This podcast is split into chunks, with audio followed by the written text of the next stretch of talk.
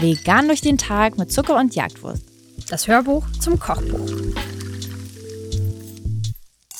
Nanu, ist das etwa schon wieder ein Sandwich? Na sicher ist das noch ein Sandwich. Ihr Ähm, seid ja auch in, der, in dem Kapitel der Sandwiches. Jede zweite Seite ist hier ein Sandwich.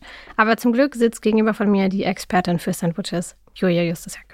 Man kann da vielleicht auch direkt mal erzählen, als wir diese Rezepte zu diesem Kochbuch versucht haben, in die Kategorien einzutüten, fanden wir die Kategorie Mittagessen mit am schwierigsten. Die abzugrenzen vom Abendessen ist sehr, sehr schwer, weil man kann tendenziell alles zu jeder Tageszeit essen, aber gerade die ähm, sind sehr, sehr ähnlich. Wir haben uns dann am Ende entschieden, dass in das Mittagessen-Kapitel Suppen, Salate und Sandwiches kommen. Ähm, aber natürlich könnt ihr das zu jeder Tageszeit essen. Und dieses hier, das ist, ähm, glaube ich, das vielseitigste Sandwich, das ihr euch machen könnt. Einfach aber, weil es als Name bekannt ist, hat man das Gefühl, man, man, man würde es ja kennen. Aber ich glaube, der Belag, den könnt ihr also so sehr abwandeln, dass es immer wieder ein neues Sandwich äh, wäre.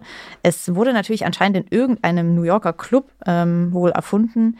Wer dazu mehr lesen will, dieses Rezept gibt es auch auf dem Blog. Das war nämlich Teil von unserem Sandwich Sunday und deswegen findet ihr in dem Rezept ein bisschen auch die Hintergrundgeschichte zu diesem Sandwich. Klassischerweise landen da eigentlich Mayo, Eisbergsalat, Bacon, Tomaten auf getoasteten Weißbrotscheiben. Sehr häufig aber auch Hühnchenbrust, Truthahn und Käse. Ich finde, wenn ich an ein Club-Sandwich denke, das, was mir in den Sinn kommt, ist die Dreieckform vor allem. Und, Und, Chips. oh, interessant.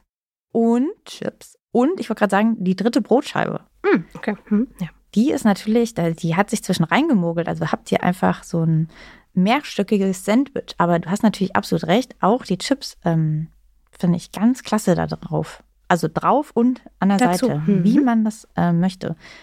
Heißt aber für euch auch, ihr könnt euch da wirklich austoben. Ich finde, das ist ein tolles Rezept, um es als Grundlage zu sehen und um euren ganzen Kühlschrank mal anzugucken und auszuräumen und zu gucken, was da nichts mehr zu suchen hat. Und ich finde, das ist eine geile Form von einem Mittagessen auch, dass man denkt, man hat irgendwie Hunger, egal ob man es am Vortag vorbereitet oder ob man es dann macht.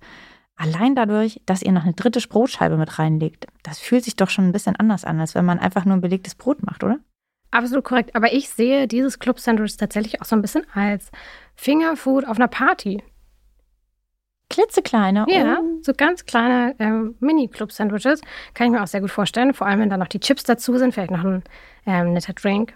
Das kann Ja. man machen, aber die sättigen wirklich dolle. Ne? Dadurch, dass man ja Perfekt. sehr, sehr viel äh, Belag am Ende drauf hat, weil Ja. man ja eben mehrere Level hat, ist das schon relativ viel. Auch an Soßen könnt ihr natürlich rauf machen, was ihr wollt.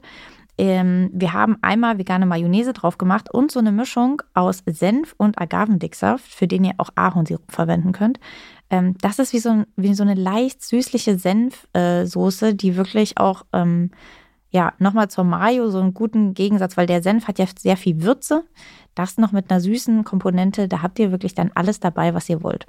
Ansonsten, wie gesagt, die ganzen Toppings könnt ihr drauf machen, wie ihr möchtet. Und da hat, habt ihr, glaube ich, schon ein Gefühl, dass ihr eher so ein Sandwich-Artist seid.